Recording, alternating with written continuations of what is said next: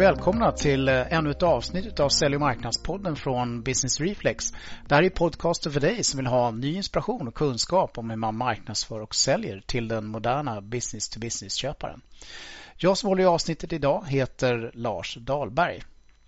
Det här med att förstå köpresor inom B2B, det har vi pratat om i många år och eh, det har varit på tapeten i ett antal poddar eh, från Sälj och marknadspodden. Eh, men att ta det här på allvar och omsätta det i praktiken i vår strategi för att generera affärer, det har blivit allt viktigare i takt med att eh, köparen blivit ännu mer digitalt och fått ännu mer makt och tar allt mer kontroll över sin egen köpresa. Och AI har också i det här sammanhanget nu på senare tid också påverkat det här som en viktig pådrivande faktor. Jag har i det här avsnittet valt att bjuda in Anders Ångström som gäst. Eh, han har lång erfarenhet av att jobba praktiskt med att förstå och dokumentera köpresor inom B2B. Eh, så Anders och jag, vi går igenom vad som är viktigt eh, att generellt sett förstå om B2B-köpresor och Anders ger också konkreta tips om hur du kan öka din egen förståelse. Så jag tänker så här att häng med och över till podden med Anders Ångström. Ja, hej och välkommen till Sälj och marknadspodden, Anders Ångström. Hej Lars! Riktigt roligt att ha med dig i Sälj och marknadspodden, Anders. Ja, det här är någonting jag har sett fram emot ända sedan vi började prata om det här. Jag kan inte tänka mig något mer intressant och fascinerande ämne faktiskt. Nej, det var ju riktigt roligt. Eh, vi har jobbat med det här och framförallt du eh, väldigt länge, men vi har inte känt varandra och haft så mycket kontakt eh, till nu för ganska så nyligen. Så det var ett väldigt spännande samtal vi har haft och vi hoppas att vi kan dela med oss en hel del av det här och framförallt att du kan vara med och dela med dig av dina, eh, din långa erfarenhet av det här med köpresor. Men jag tänker innan vi hoppar in på det här otroligt spännande och väldigt viktiga ämnet så ska du få presentera dig lite grann för våra lyssnare. Vem, vem är du Anders? Ja, jag är ju då eh, en product marketing människa, eh, en gång i tiden uppväxt på Ericsson, men det var länge sedan. Och där blev jag väldigt frustrerad över att det blev sånt fokus på teknik och produkter framför eh, kundernas verklighet så att säga. Och, eh, så jag tänkte att någon gång skulle jag vilja fokusera på just de frågorna. Och när jag eh, längre fram i livet eh, bestämde mig för att det var dags att börja jobba som konsult, då tänkte jag att nu, jag har mitt ämne klart. Så att jag har ett antal år nu jobbat eh, på olika konsultbolag i, i många olika sammanhang, i uppdrag och annat, med de här frågorna på, som fokus. Så att säga. Verkligen. Och eh, kommer jag ihåg det hela rätt om eh, du har inblandat kopplat till IOMs verksamhet också? Ja, det stämmer. Över tiden, alltså vi jobbar, jag jobbar ju väldigt mycket med att hjälpa folk att förstå sina kunders verklighet och med deras ögon. Och för att man ska bli en bra, ett bra stöd för företag som vill bli bättre på det här och lyckas bättre med sin marknadsföring, försäljning och utveckling, då måste man ju förstå vad den här kundinsikten, den här, de här kunskaperna ska användas till praktiskt. Så att jag och mina kollegor har ägnat otroligt mycket tid på att sätta oss in i var kommer kundförståelsen in? Under hela resan eh, på ett bolag. Eh, och det mm. har lett till att vi har börjat utbilda i de här frågorna. Så numera så, så är jag, jag är lärare, associerad lärare då på IHM och jobbar med strategisk eh, affärsutveckling eh, i en av deras avslutande kurser på deras DIM-utbildning. Mm, ja, jätteroligt för de, jag tycker verkligen att eh, jag gick på IOM när eh, IOM var i sin linda och eh, det var en fantastiskt fin utbildning då, marknadsekonom och jag tycker på senare tid att de verkligen varit duktiga på att anpassa sin utbildning, sina program kopplat till den här moderna världen vi lever i och också då tagit det här med köpresor på största allvar och tagit in riktigt professionella människor kring det här som, som du själv representerar. Så att Ja, men riktigt spännande. Så jag, jag tänker så här, eh, Anders, att det här ämnet är ju, eh, är ju väldigt kärt eh, för dig och mig och eh, vi har väldigt mycket att gå igenom. Så jag tänker att vi helt enkelt kastar oss in i det här med, eh, med köpresor. Eh, och allt vårt fokus idag handlar ju om köpresor inom B2B. Och då så kanske vi skulle ta och börja med och definiera det lite grann Eh, jag tror att alla har lite grann sin lilla bild av det hela. Men jag tror det kan vara bra om, om, eh, om du kan hjälpa till att sätta din lite så här definition eller lite beskrivning av eh, det hela lite utifrån någon sorts ja, hög nivå eller, eller något så att vi har med oss alla lyssnarna på, på banan här. Nej, men jag, jag har ju funderat länge på hur kan man hitta ett enkelt sätt och, och någon, någon, någon enkel bild av vad en köpresa är. Mm. Eh, och grundproblemet tycker jag egentligen är att alla tänker på sig själva enbart. Och det gör också mm. kunden. Kunden struntar ju fullkomligt i oss som leverantörer. Och eh, då kan man tänka sig att köpresan är ju som en tågresa på en räls som går mellan A och B. Det börjar med A, att det finns någonting som skaver, ett behov som kanske måste lösas och det slutar med B, att någon faktiskt har löst sitt behov. Och vägen från A till B, det går på en räls och eh, kunden måste passera ett antal stationer på vägen. Man kan inte gå rakt från A till B utan det finns ett antal stationer man måste passera och lyckas man inte ta sig förbi en station då stannar tåget och eh, köpresan. Och som leverantör då, som leverantör då så, så har man två sätt man kan påverka den här resan. Man kan ändra stiga på tåget vid någon av de här stationerna. Eller också så kan man sätta upp eh, skyltar med information utanför tåget och hoppas att kunden lägger märke till dem och tycker att eh, de är intressanta när kunden passerar på, på rälsen. Exakt, och det, nu, nu använder vi det här begreppet eh, eh, köpresa. Eh, men det, det, är också så att eh, den som eh, är den potentiella kunden här upplever det ju inte alltid som en köpresa, precis som du beskriver, utan det finns någonting där mm, som de vill kanske göra någonting åt och så är de på den här tågresan. Eh, och, eh, eh och vi då, då som, Eh, som säljare, vi kanske inte heller alltid tänker på det som en köpresa eh, från den där allra första början. Eh, men begreppet tycker jag är, är bra. Och, och det är ofta så att det innefattar ju B2B en väldigt lång kan ju vara en väldigt lång tidsperiod eh, som är kopplat liksom, till någon sorts liksom, köpresa. Där det är någonting som, som ska hända eh, på, det här, på den här resan när man är på det här tåget. Men vi kommer komma in mycket mer på detaljerna runt det där. Men jag tror att ehm, eh, det här med köpresor har det ju pratats om, eh, i alla fall nu de senaste 8-10 åren ganska mycket. Men varför ska man bry sig och varför är det kanske ännu viktigare än någonsin Anders skulle du säga att du verkligen tar det här med, med köpresor och förstår det här med köpresor på, på allra största allvar? Ja, i grund och botten, och det kan ju en lite jobbig insikt, är, så är det ju faktiskt kunden som bestämmer om det ska bli något köp eller inte. Det är jobbigt för alla oss som säljer någonting. Eh, för vi vill ju, vi har ju press på oss att sälja och, och, och lyckas. Eh, och eh, då vill man ju gärna känna att man själv har kontroll, men så är det inte. Det är kunden som bestämmer och det blir bara mer och mer så tack vare mm. att det övertag som vi som har marknadsförts och sålt haft tidigare i tillgång till information och annat, det finns inte längre. Kunden har mer information än någonsin. Mm. Så det är en aspekt på det hela. Det andra, eh, jag har ju varit ute och intervjuat hundratals företagskunder om det här med att köpa. Och vad de berättar är ju att det är väldigt många köpresor som på, nu kanske inte kunden skulle säga köpresa som du sa, men Nej. väldigt många förändringsresor som påbörjas men som avbryts eftersom kunden tycker att Nej, men det här är alldeles för geggigt eller för jobbigt eller det orkar vi inte med just nu. Mm. Så att högst sannolikt så förlorar vi betydligt oftare mot kunden själv än vi förlorar mot någon given konkurrent som vi har en tendens mm. att stirra oss blinda mot.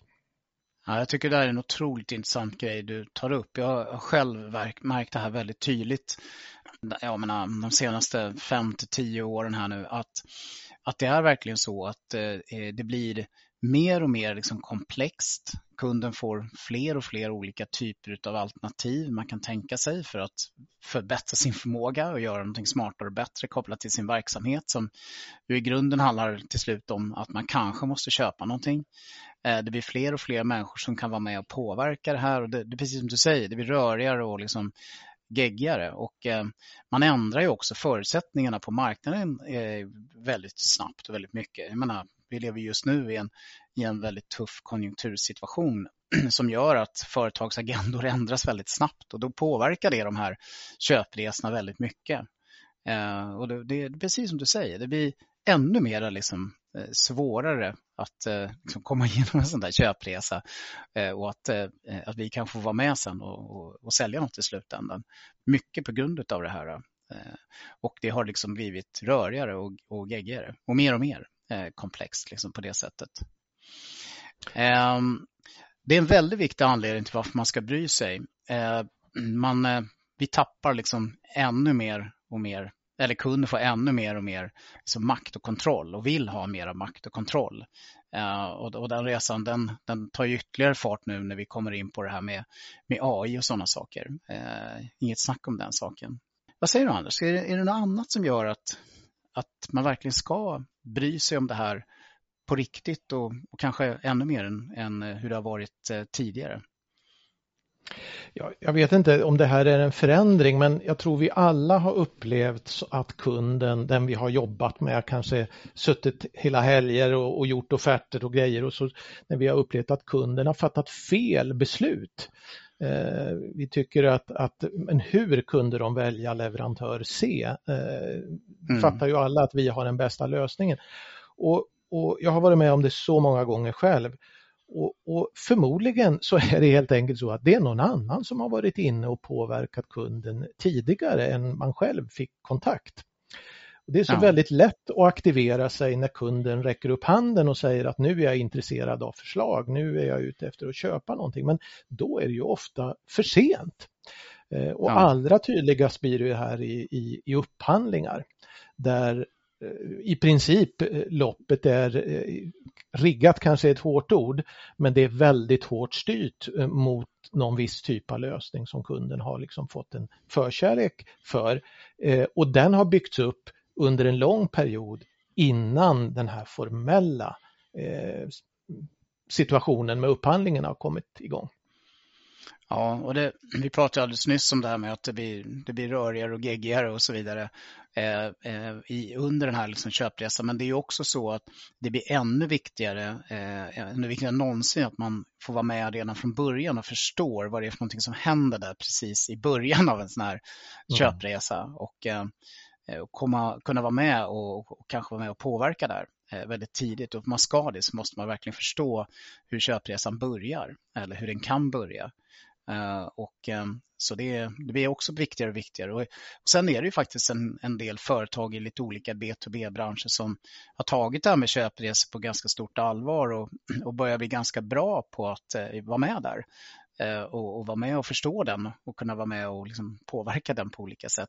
Och då är man då inte själv med på det och har den förståelsen så blir man ännu mer efter kan man säga.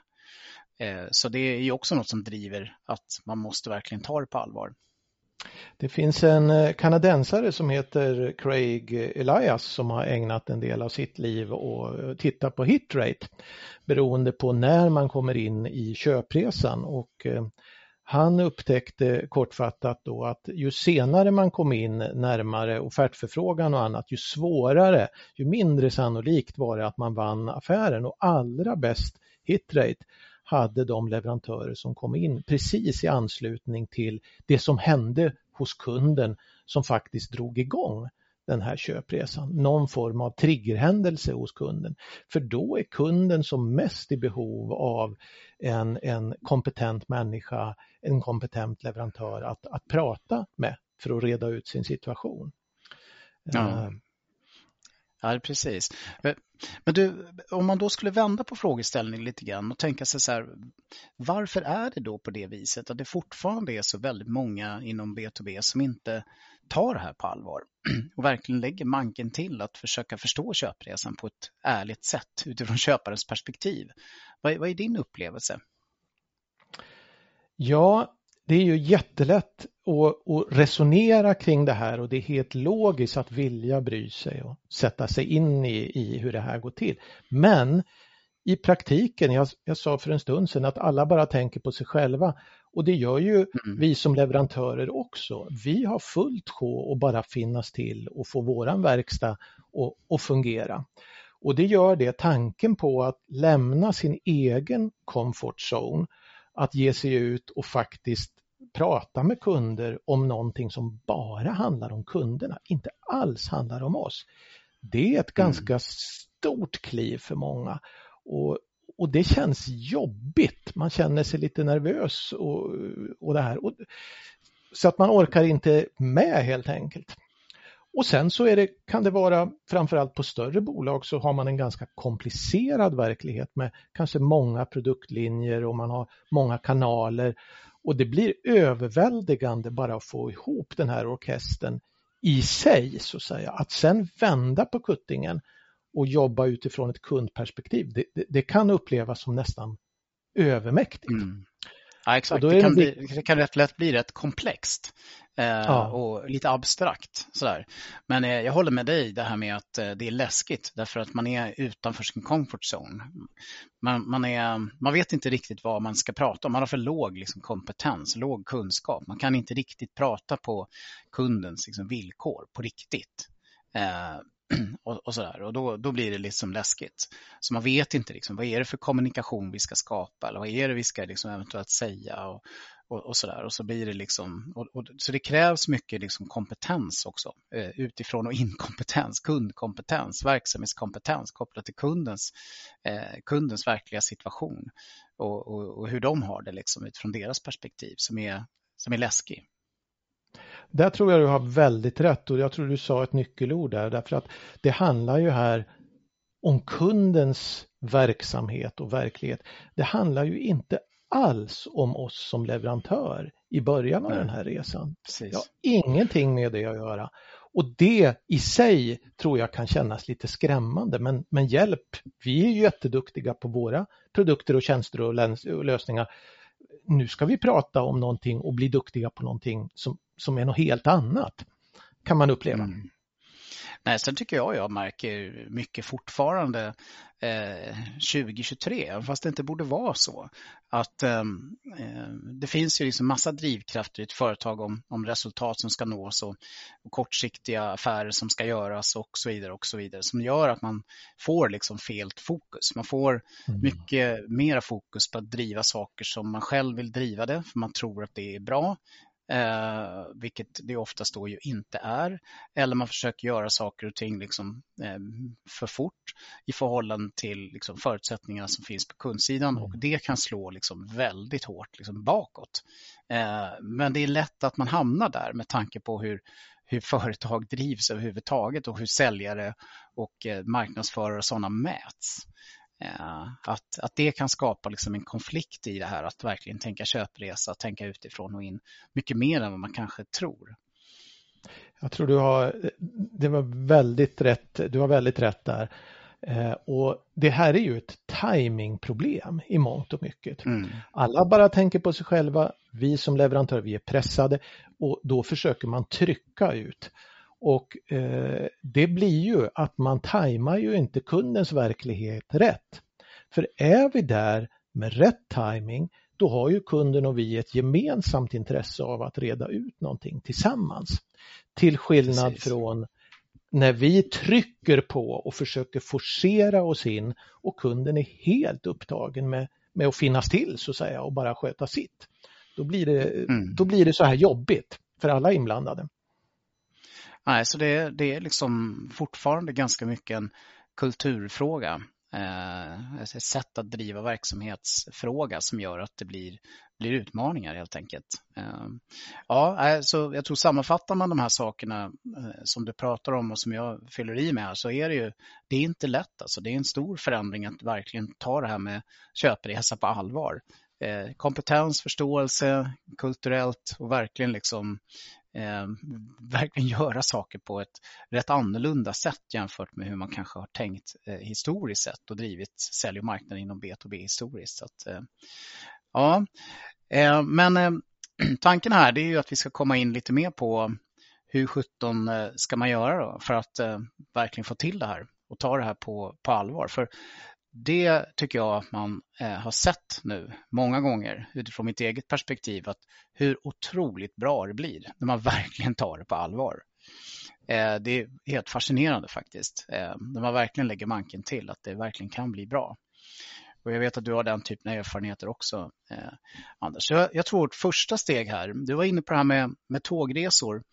Jag tror att det är väldigt viktigt att eh, lyssnarna får en djupare förståelse för om hur man så att säga egentligen beskriver en sån här B2B-köpresa utifrån ett generellt perspektiv. För det är nog först då man verkligen kan börja förstå det här lite djupare och, och, och därmed också sen kunna förstå hur man själv ska liksom tackla det här utifrån de B2B-köpresor man, man själv då behöver förstå mer om.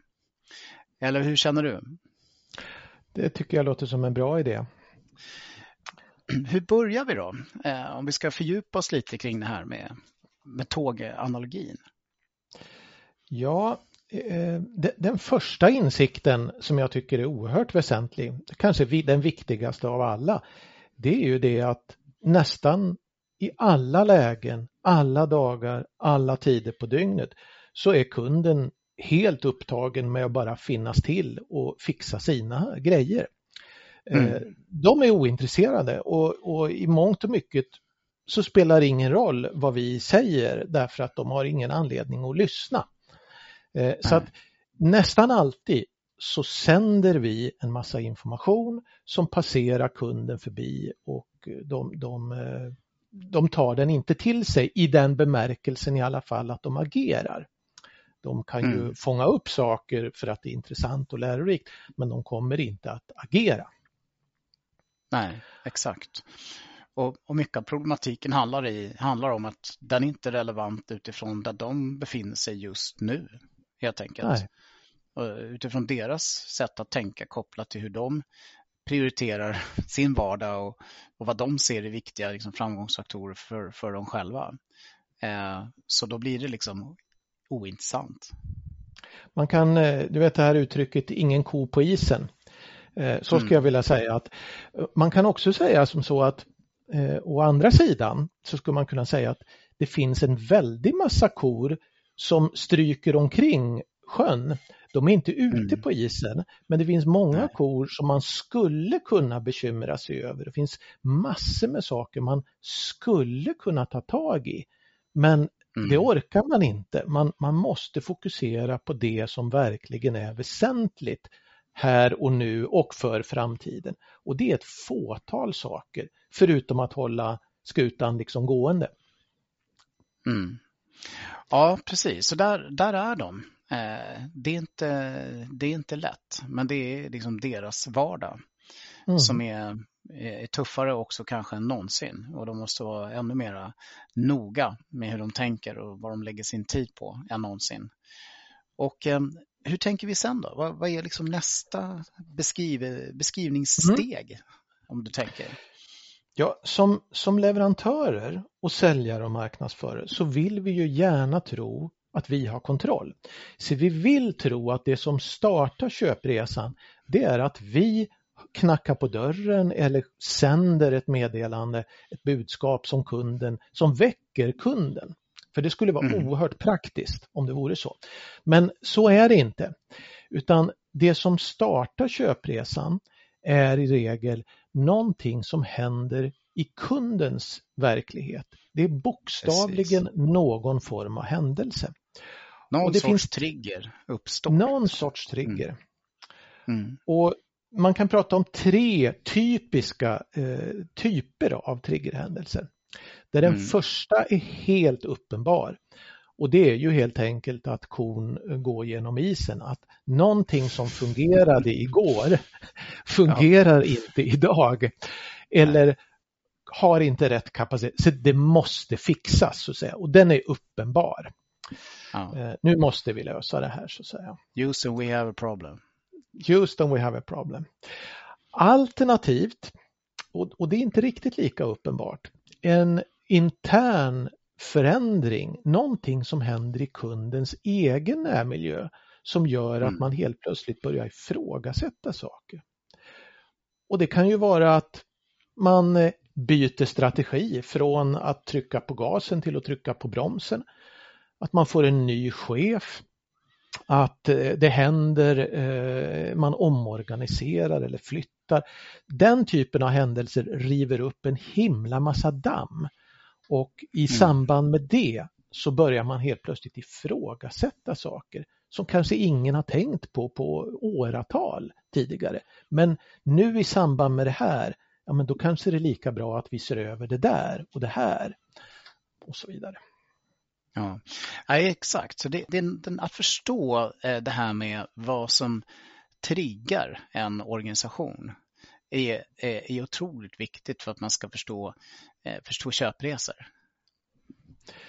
Vad är det som Precis. snurrar i deras vardag som triggar igång olika typer av förändringsbeteenden egentligen på något sätt? Mm. Eh, antingen att de blir tvingade att göra någonting eller att de själva känner att de behöver Mm. göra någonting eh, på grund av att de tror att någonting kan leda till något bättre som är viktigt för dem. Mm. Det finns ju en, en tredje typ också vi kan nämna helt kort. Det är ju att det händer någonting utanför eh, kundens organisation. Eh, om jag, jag behöver ju inte ens säga corona eller GDPR eller något sånt här. Ett yttre tryck som man måste agera på. Konkurrenten lanserar någonting helt nytt till exempel. Mm. Eh, Då börjar folk klia sig i huvudet och undra, oj, har vi ett problem här? Mm. Alltså att, så, så ska man bara ha en bra köpresförståelse är det otroligt viktigt att man förstår det som snurrar runt bolaget som, som man vänder sig mot helt enkelt, som en del av ens, ens eh, marknads, utvalda marknadssegment. Men även det som kan tänkas snurra i de här bolagen och hos Mm. de här nyckelpersonernas eh, ja, i, deras, i deras arbetsansvar, i deras vardag. Helt enkelt. Vad är det? Vad kan det tänkas vara? Och vara väldigt så här, liksom, lyhörd kring det där för att förstå vad man ska liksom, eh, sända runt för att överhuvudtaget vara en del av den där vardagliga vardagen. Liksom. Ja precis, om vi, kan, om vi kan få kontakt med kunden i anslutning till i tiden när det här händer med någonting som handlar om just den här utmaningen. Det är alldeles för tidigt att prata några lösningar. Nu handlar det om utmaningen och visa att vi förstår. Mm. Då har vi ju en jättebra utgångspunkt för en fortsatt resa tillsammans.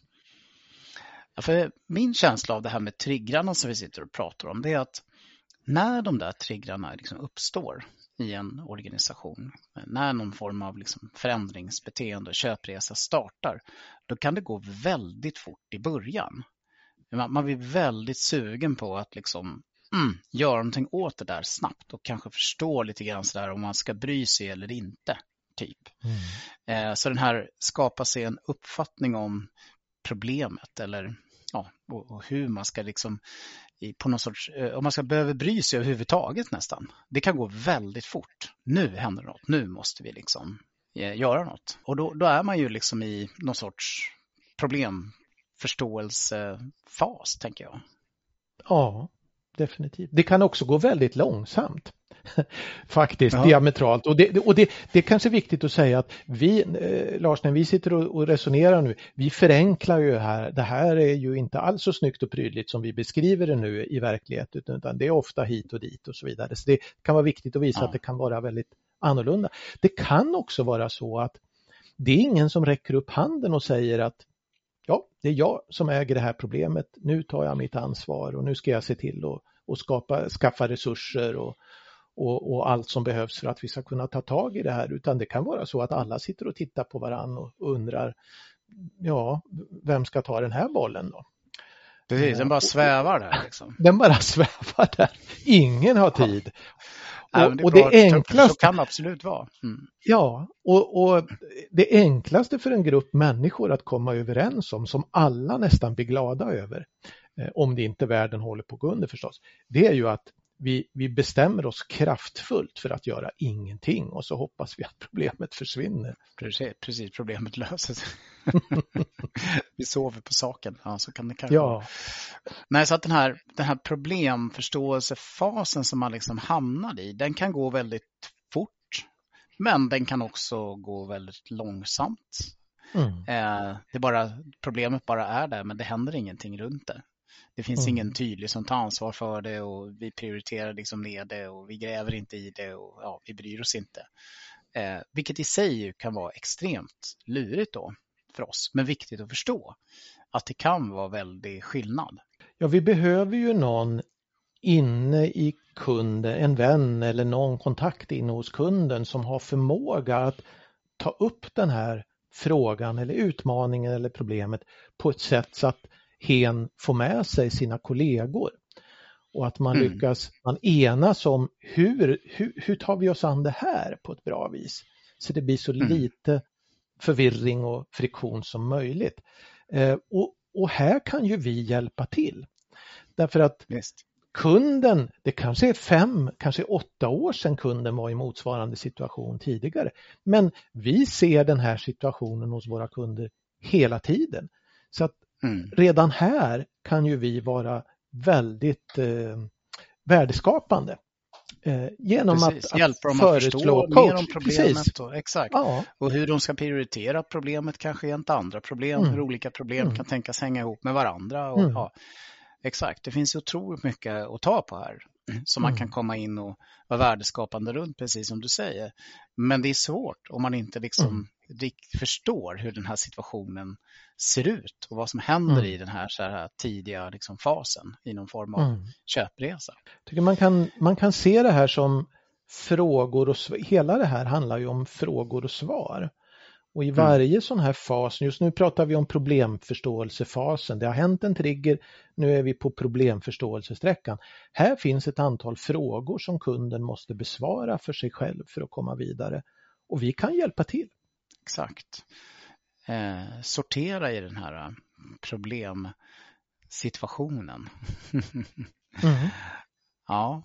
ja, jag tror det väcker mycket tankar nu eh, när vi sitter och pratar om det här hos många som lyssnar. Att, att verkligen bry sig om den här fasen. Otroligt, otroligt viktigt.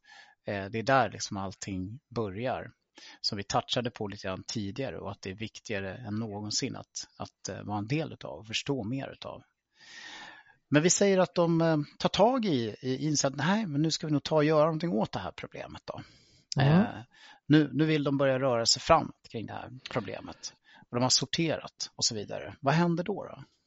Mm, nu har vi sorterat, vi har sagt vi kan inte, det här ska vi prioritera, vi ska tillsätta resurser, vi, vi ska skaffa eller vi har den kompetens som behövs och vi har en liten plan för hur vi går vidare och vem som äger det här och så vidare. Nu handlar det ju om att förstå hur ska vi ta oss an det här problemet, alltså inte hur ska vi ta oss an problem, hur kan vi lösa det här problemet? Precis. Och för kunden så är det, här är ju viktigt för vi som leverantörer är ju lite snabba att hoppa in och föreslå, ja men vi har ett förslag här, vi har en produkt eller en tjänst. Men för kunden så, så är det här eh, en, en, ofta en mycket bredare fråga än så, för de kan tänka sig helt olika sätt att lösa någonting. Ska vi ta in konsulter eller ska vi köpa ett system eller ska vi lägga ut ansvaret för någonting på stan? Eh, ofta mm. finns det olika ja, om vi nu pratar järnvägar, så finns det ju faktiskt olika spår som man kan köra framåt. Mm. Och innan vi kan gå in och börja liksom bli väldigt specifika kring en viss lösning så måste vi ju ha valt vilket spår ska vi gå på överhuvudtaget. Exakt. Jag tycker det där är en väldigt viktig erfarenhet tycker jag. Just att att eh, det är på någon sorts konceptuell nivå här. Det är på någon sorts övergripande, liksom mer strategisk nivå kopplat till ett vägval. Hur, hur ska vi liksom lösa ett problem? Eh, eh, så att man får den känslan först och får med sig eh, organisationen kanske på principen, om man säger så. Mm. Eh, innan man liksom kastar sig in och faktiskt konkret liksom löser det. Och det där, det där är ju någonting som den moderna köparen väldigt mycket vill kontrollera och göra på egen hand. Eh, och eh, skapa sig. Och det, det är här också som vi pratade om tidigare, det kan bli väldigt smetigt. Liksom. Det kan bli mm. många inblandade och det kan finnas många olika approach med olika sätt. Eh, och, och, det här ställs mot varandra och det är kanske mycket olika typer av påverkan från olika perspektiv eh, in på hur man kanske borde greppa det här och hur man borde göra och, och, och vad som är faktiskt smartast och bäst och, och vilket sätt skulle faktiskt kunna ge bästa effekten och sådana saker. Så att det, det blir väldigt komplext här många gånger, även fast eh, jag menar, B2B-köp är ju oftast, säger man ju, relativt komplexa. Men de behöver inte vara liksom superkomplexa för att det ska bli ganska komplext här, eller behöva bli ganska komplext här utifrån kundens liksom perspektiv. Eh, när de sitter och grubblar på det här. Nej, det stämmer verkligen. Det. Ja, och det är ju, när, när vi tittar på den här resan utifrån så är det väldigt lätt hänt, vi som är på mm. leverantörssidan nu då, att vi ser det här från från ett lösningsperspektiv, alltså externt ifrån, det vill säga det här handlar om system, konsulttjänster och annat. Det är lätt att glömma att för kunden så handlar det ju om, det här är som isberget, det är bara själva den lösning man köper, det är ju bara ena halvan av isberget. Det finns ju så att säga en andra halva som handlar helt om kundens egen förmåga att omsätta någonting i praktiken. Ska vi köpa ett system? Ska vi ta in konsulter? Det här handlar lika mycket om hur kunden ser på sig själv och vilka mm. förutsättningar man har att, att gå olika vägar så att säga. Ja, och det, det, är ju inte bara hur man ska lösa problemet som, som är kritiskt, att man, man vill förstå här utifrån köpredesperspektiv, utan det är ju faktiskt också som du är inne på Lian, att man faktiskt ska lösa det, för det är ju inte helt mm. självklart. Bara för att man börjar fundera på hur, det är ju inte alls säkert att man landar i att man faktiskt ska lösa det eh, mm. överhuvudtaget. Eh, och det var som du var inne på tidigare där Anders, en väldigt viktig lärdom att, att den största konkurrenten är, är egentligen attet här. Mm. Man bestämmer sig att inte så att säga, kanske göra någonting. Utan ja, man gör ingenting eller man gör någonting annat. Även fast man förstår att man borde göra någonting och hur man skulle göra det så blir det inget. Det blir liksom mm. inget att.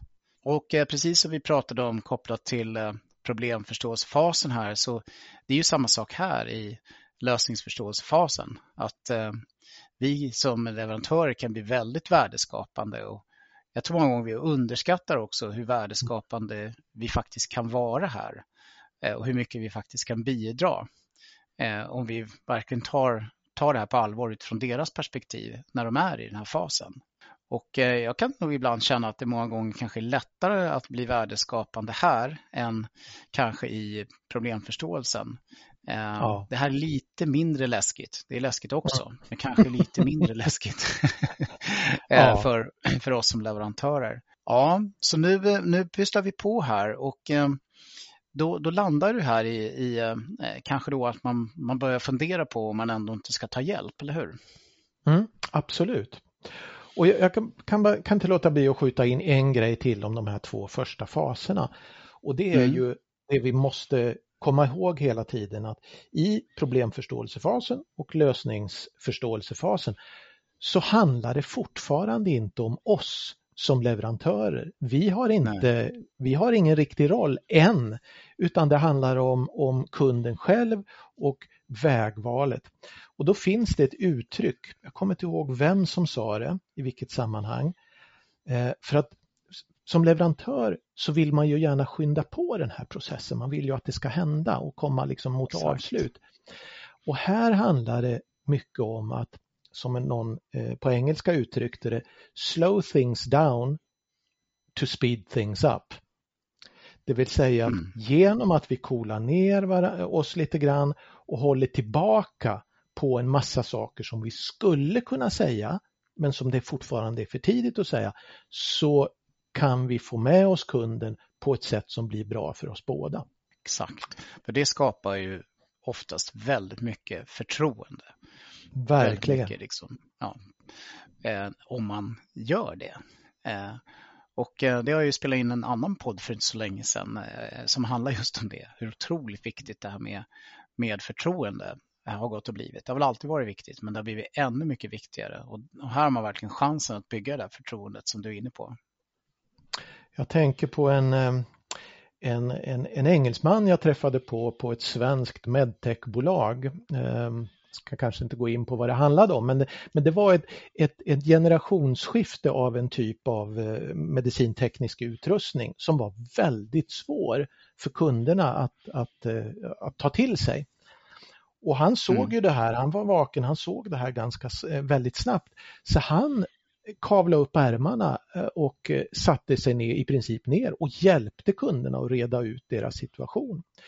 Och, mm. det, och, och, han gjorde det så oberoende att han satte någon skalpell i sitt eget knä också. Så det var liksom inte så att han bara ledde kunden liksom rakt fram mot en viss håll utan även tog upp faktorer som han visste skulle göra lite ont för honom själv. Men ja. det skapade, precis som du sa Lars, ett väldigt förtroende och han blev ju hjälte hos kunderna den här killen.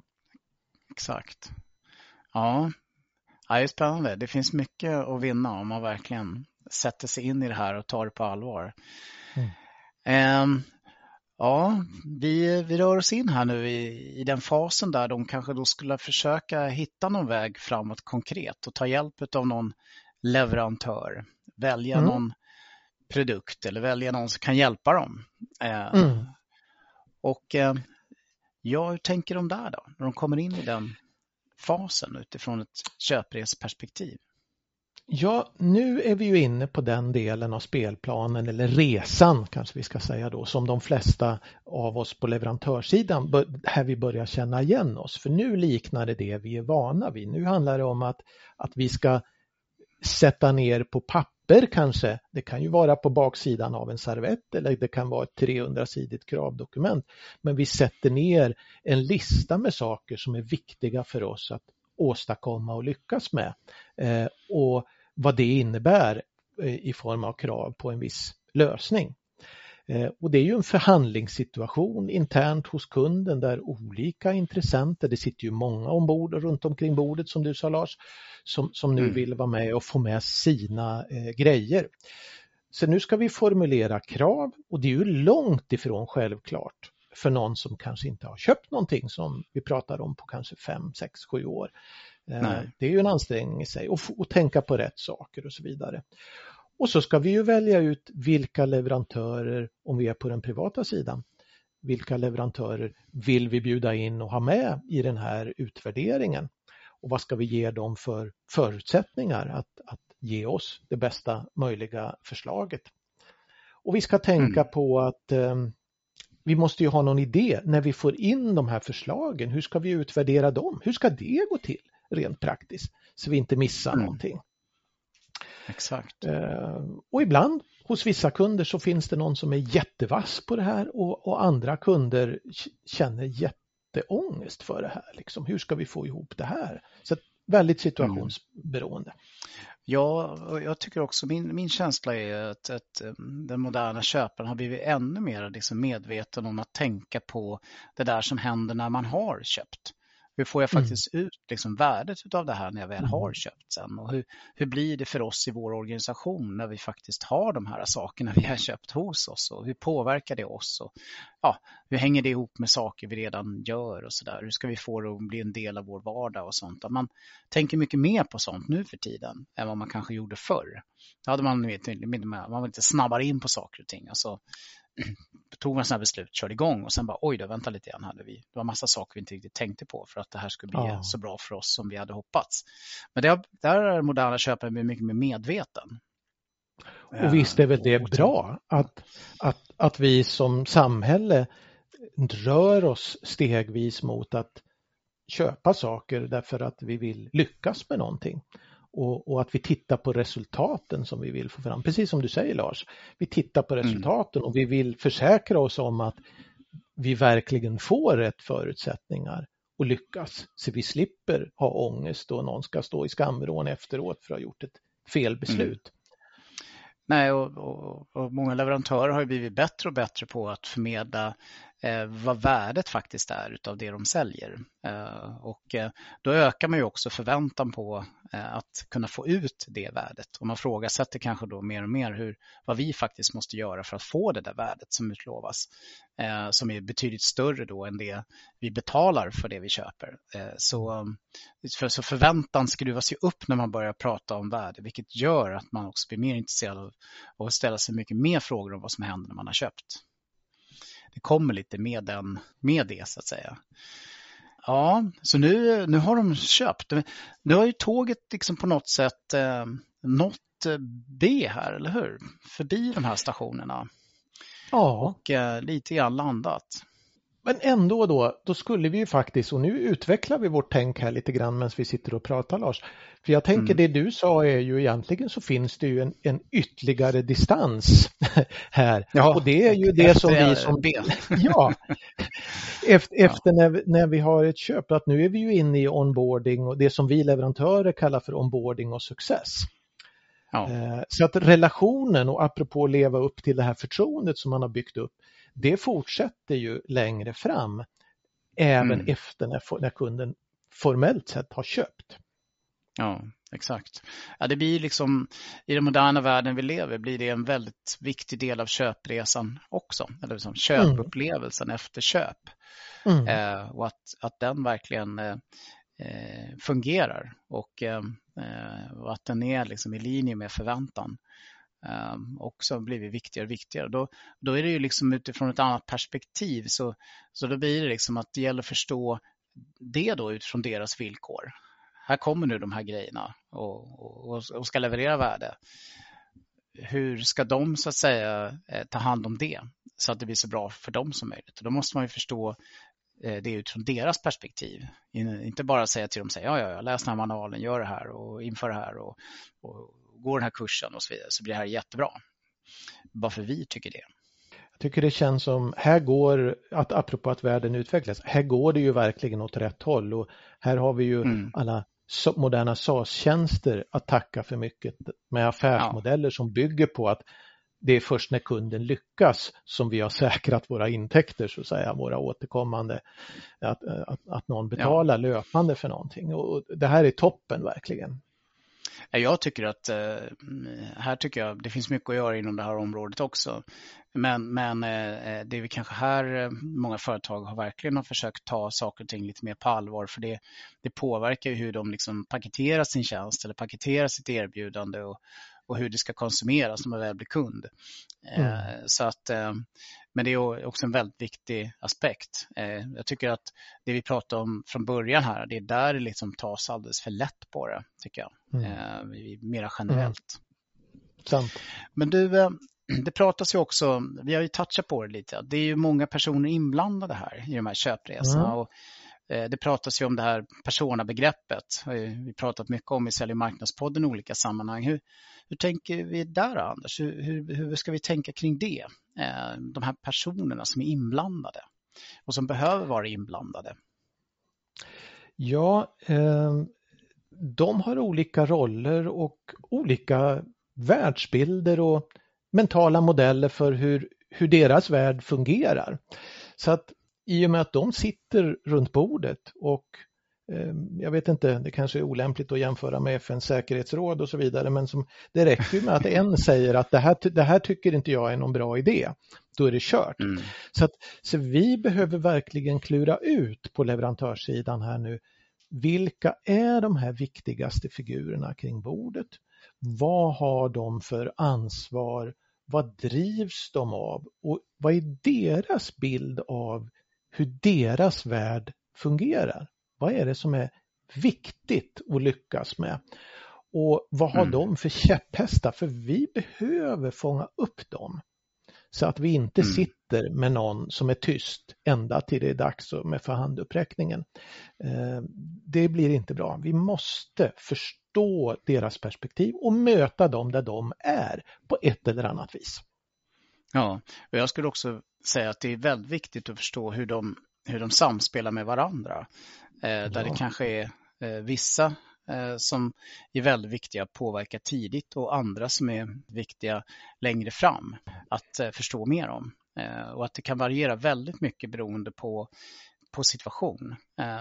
Var någonstans man behöver eh, ha sitt fokus. Så att här har köpresan kanske ett fokus på de som är kreativa, innovativa och vill driva bolaget framåt. Och sen kommer det in mm. andra personer som förstår saker och ting på ett djupare plan och har varit med mm. förr och, och, och som förstår vad som faktiskt är bäst väg att göra och gå, det här huret och attet och så vidare.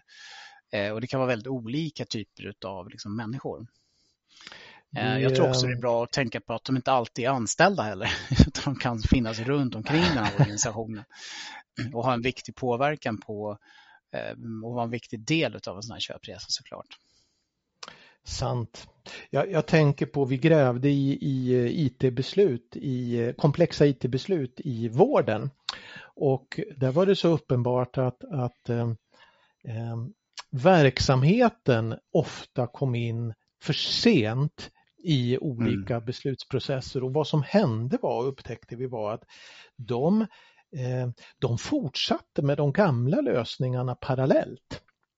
Mm. Och eh, eh, tills de var helt övertygade om att de nya lösningarna faktiskt fungerade och det gjorde de ju ofta inte så att då, de steg aldrig på tåget så att säga. och därför, ja. därför så hände det ofta, och jag har många vittnesmål om saker som ja. ibland bokstavligen blev stående nere i källaren. Eh, därför att verksamheten var aldrig med på, på, på tåget så att säga. Nej. Nej, alltså så extremt kan det också bli mm. om man underskattar det hela. ja. du, eh, det här med köpresor då, det, det kan ju skilja sig väldigt mycket åt. Jag menar, självklart så är en köpresa olika eh, beroende på vad det är för något eh, som de eventuellt ska köpa i slutändan och vilken bransch det är och, och sådär. Och, och, och, kanske även då lite grann vilken typ av persona man tillhör eller vilken typ av människa man tillhör så ser man på det på, på lite olika sätt. Men eh, vad skulle du säga är viktiga så här, skillnader att eh, hålla koll på. Eh, mm. Så att vi förstår det där. Vad är, vad är det som gör att det faktiskt skiljer sig åt? Vi, vi gjorde ett jobb åt ett eh, stort eh, bolag inom telekom där vi grävde i just olika typer av köp som de hade inom sin, som deras produktportfölj representerade. Och då mm. märkte vi två stycken nyckelfaktorer. Eh, en ja. faktor var i vilken utsträckning eh, ett köp var riskabelt eller inte. Alltså var det riskabelt att välja fel? Och hur Just länge? Det. Risk kan påverka väldigt mycket. Risk, mm. Exakt. Hur länge mm. varade den risken? Ni kan ju tänka er om man gör vissa beslut fel, mm. man leva på det med det jättelänge. Och, och det andra var ju eh, naturligtvis eh, storleken på, på den eh, investeringen så att säga. Så vi, vi hittade, om man säger så här då, vi, man ser det som en skala där i, i, de, de enklaste köpen är rutinköp. Och, och, det mm. är köp som man gör så ofta så att helst så skulle man inte vilja tänka på att man köper. Vore det inte bra om det alltid fanns toalettpapper ja, på toaletten och mjölk i kylen bara... och olja i maskinerna. det bara finns där. automatiskt. Ja, ja, exakt. Och då har vi ju ja. då har vi gjort det här till en tjänst. Ja. Så nu har vi, då har vi ju liksom fångat upp kundens behov i köphänseende så att säga. Sen så hade vi köp som Eh, leverantören tyckte att det här var ju enkelt att köpa men kunderna sa att nej, det här, jag har blivit uppsnurrad på läktaren för jag vill prata med någon innan jag fattar det här beslutet. För jag har några checkfrågor jag måste kolla. Det är inte svårt men jag har några saker jag måste kolla. Mm. Eh, och eh, i det fallet så krävdes det en mänsklig kontakt för de kunderna tyckte det var för krångligt med villkor och grejer och sånt här.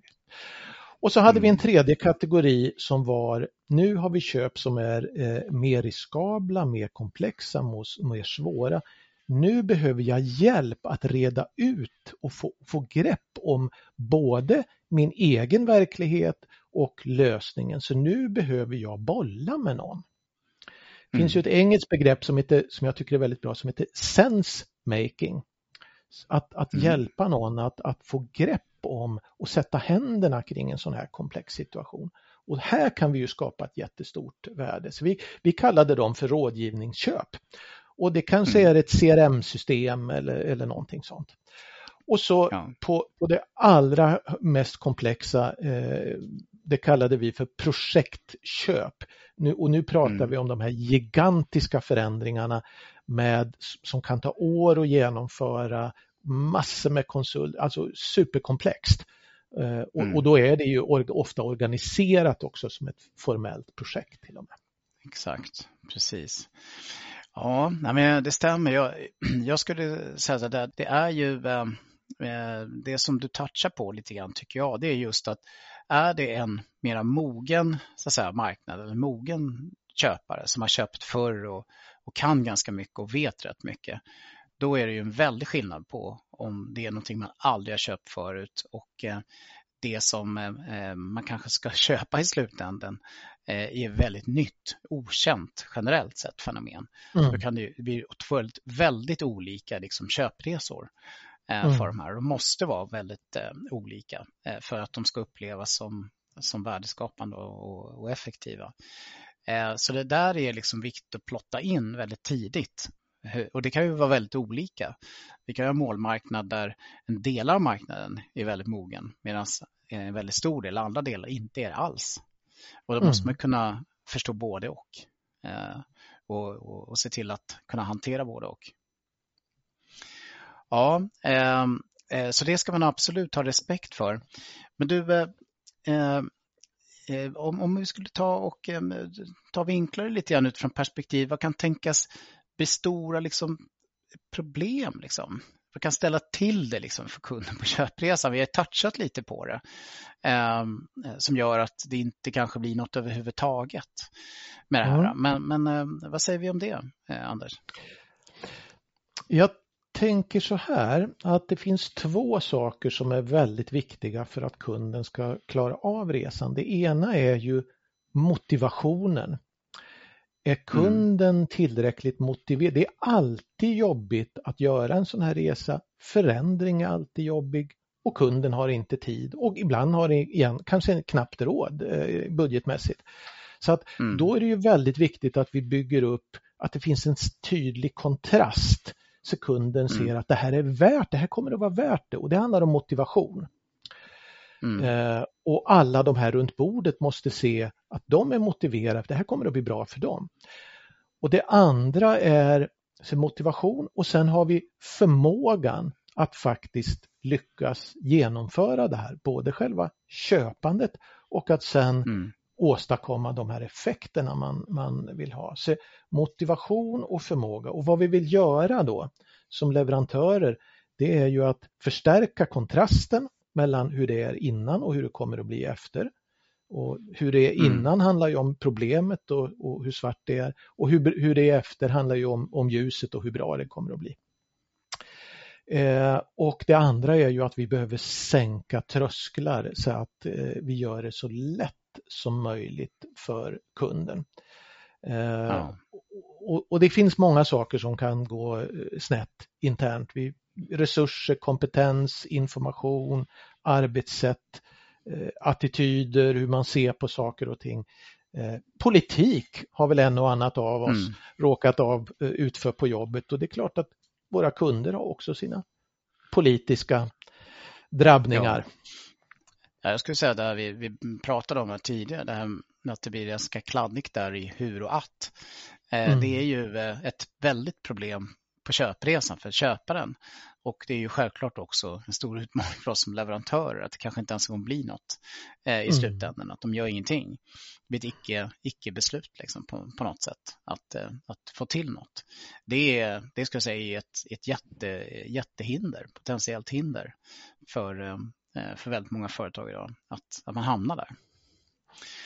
Eh, ja, du, eh, Eh, hur kan då, liksom, vi har ju berört det också lite här, eh, vi som B2B-leverantörer och B2B-bolag då liksom hjälpa kunden att, att köpa då? Mm. Förutom att vi måste förstå den här köpresan såklart ehm, eh, på djupet. Jag tänker så här att för det första så, så tror jag det är bra, det här kan vara komplext, det kan vara svårt. Det är bra att man inte ger sig på för mycket på en gång utan man har ett tydligt fokus. Eh, och jag tycker ett bra sätt att tänka på det här, det är i termer av frågor och svar helt enkelt. Att vi pratade ju om mm. de här tre sträckorna. Problemförståelse, mm. lösningsförståelse och val av lösning och leverantör. Varje sån sträcka representerar ett antal frågor som kunden behöver reda ut internt och eh, när det gäller världen eh, utanför. Vi behöver klura ut vilka är de frågorna i respektive fas. Eh, mm. För då kan vi fundera på vad kan vi göra för att sänka trösklar, för att motivera kunden och för att sänka trösklar i olika eh, former. Eh, hjälpa kunden på vägen och bygga förtroende eh, när vi gör det. Eh, mm. Och sen gäller det ju... att leverera här... värde kopplat till det ja. där såklart. Ja. Och jag vet Lars, vad, vad ni är specialister på är ju att och, och sen klura ut hur gör vi det här då? Hur hjälper vi mm. kunden på ett så effektivt som möjligt digitalt och, och i öga mot öga så att säga. Eh, att, att klura ut hur gör vi det här på ett bra vis? Eh, ja, men eh, vad säger vi då Anders? Det är som vi försöka knyta ihop säcken lite grann. Det, det handlar helt enkelt om att, att verkligen ta det här med köpresorna på allvar. Och, eh, eh, och, och se till att man kan komma in där och få vara med och leverera värde.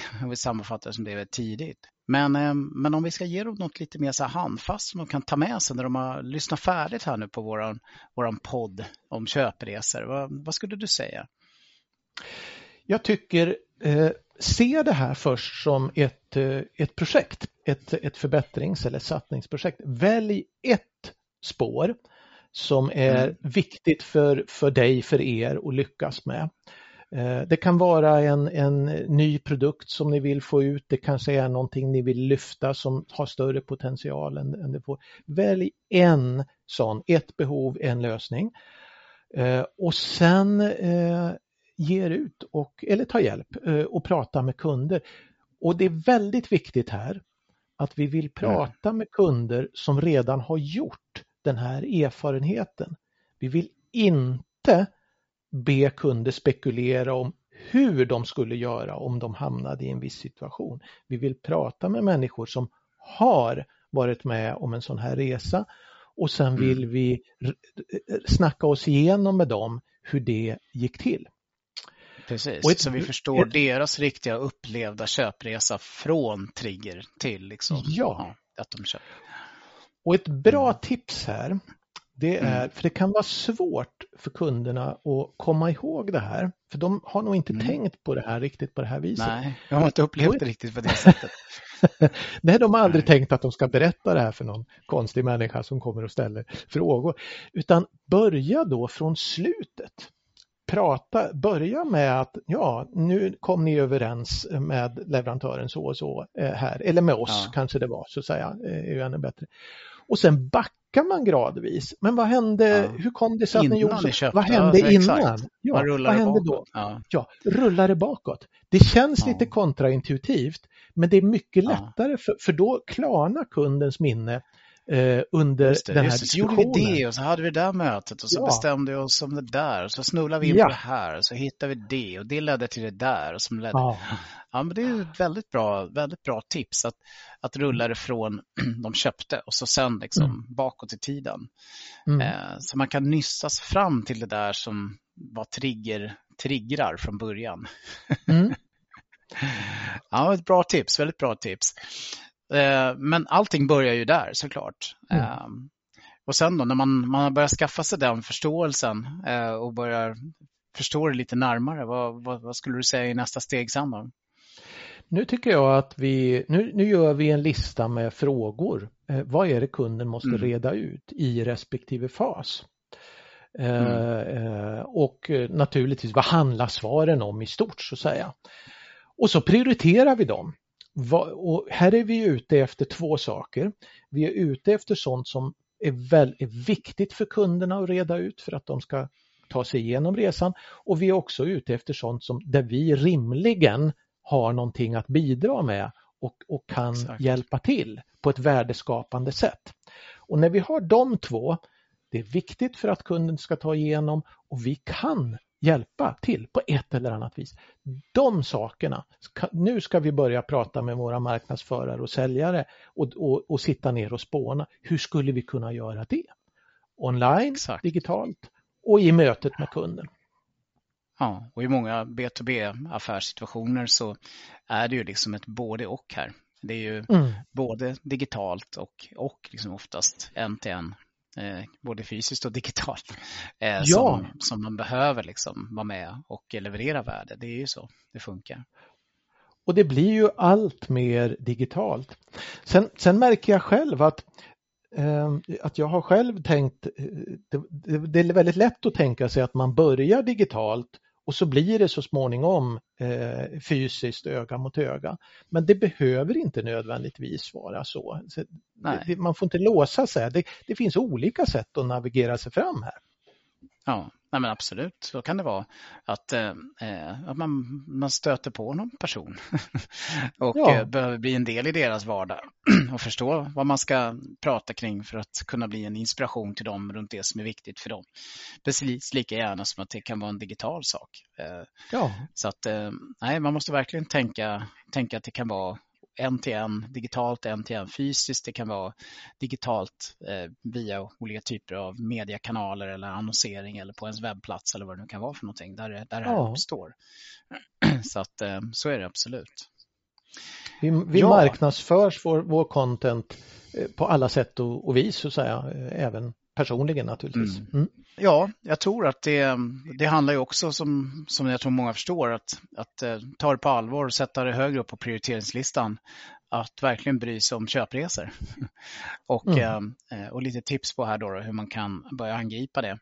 Samla de som, de som har förståelse kring, kring våra köpare eh, och eh, sätta igång och börja prata med dem som faktiskt har varit på våra köpresor för att öka vår förståelse på det här sättet som, som du är inne på. Ge liksom medicinen framåt. Men du, eh, Anders, om lyssnarna skulle vilja få tag på dig och, och, och, kanske ta en dialog med dig separat kring det här, hur, hur får man tag på Anders? Man får tag på Anders på eh, eh mitt eh, bolag eller vårt bolag afokus.se och det är a fokus med c som Cesar fokus.se och eh, jag finns naturligtvis på LinkedIn och eh, precis som Lars och, och Business Reflex så brukar jag skriva inlägg och eh, posta om den här typen av, av saker. Så man får jättegärna följa mig på LinkedIn också. Jag kommer säkert att skriva fler saker om just till exempel köpresor. Precis, så in och följ eh, Anders Ångström på LinkedIn. Det är en bra start. Eh, så, så man kommer i kontakt. Så ni kommer i kontakt. Och eh, kommer naturligtvis att lägga ut lite information i eh, eh, bloggposten som tillhör avsnittet så ni kan hoppa in på på, eh, i appen och titta där, eh, där ni har laddat ner avsnittet eller gå in på vår hemsida för då kommer ni hitta kontaktinformation till Anders och så, så, att, eh, så det går lättare för er. Men eh, med det så skulle jag vilja eh, tacka dig så jättemycket Anders för att du tog dig tid att komma hit till Sälj marknadspodden och delge alla dina erfarenheter av det här med, med köpresor inom B2B. Så tack så jättemycket. Väldigt stort tack för att jag fick vara med och få sitta och prata med dig en, en, en hel timme om någonting sånt här. Det får man inte göra varje dag så att det här var hur kul som helst. Verkligen. Och eh, för alla er eh, där ute som lyssnar på Sälj marknadspodden så ska jag bara vilja säga det jag alltid säger. Eh, vad ni än gör där ute så ska ni se till att vara relevanta. Så med det, tack och hej!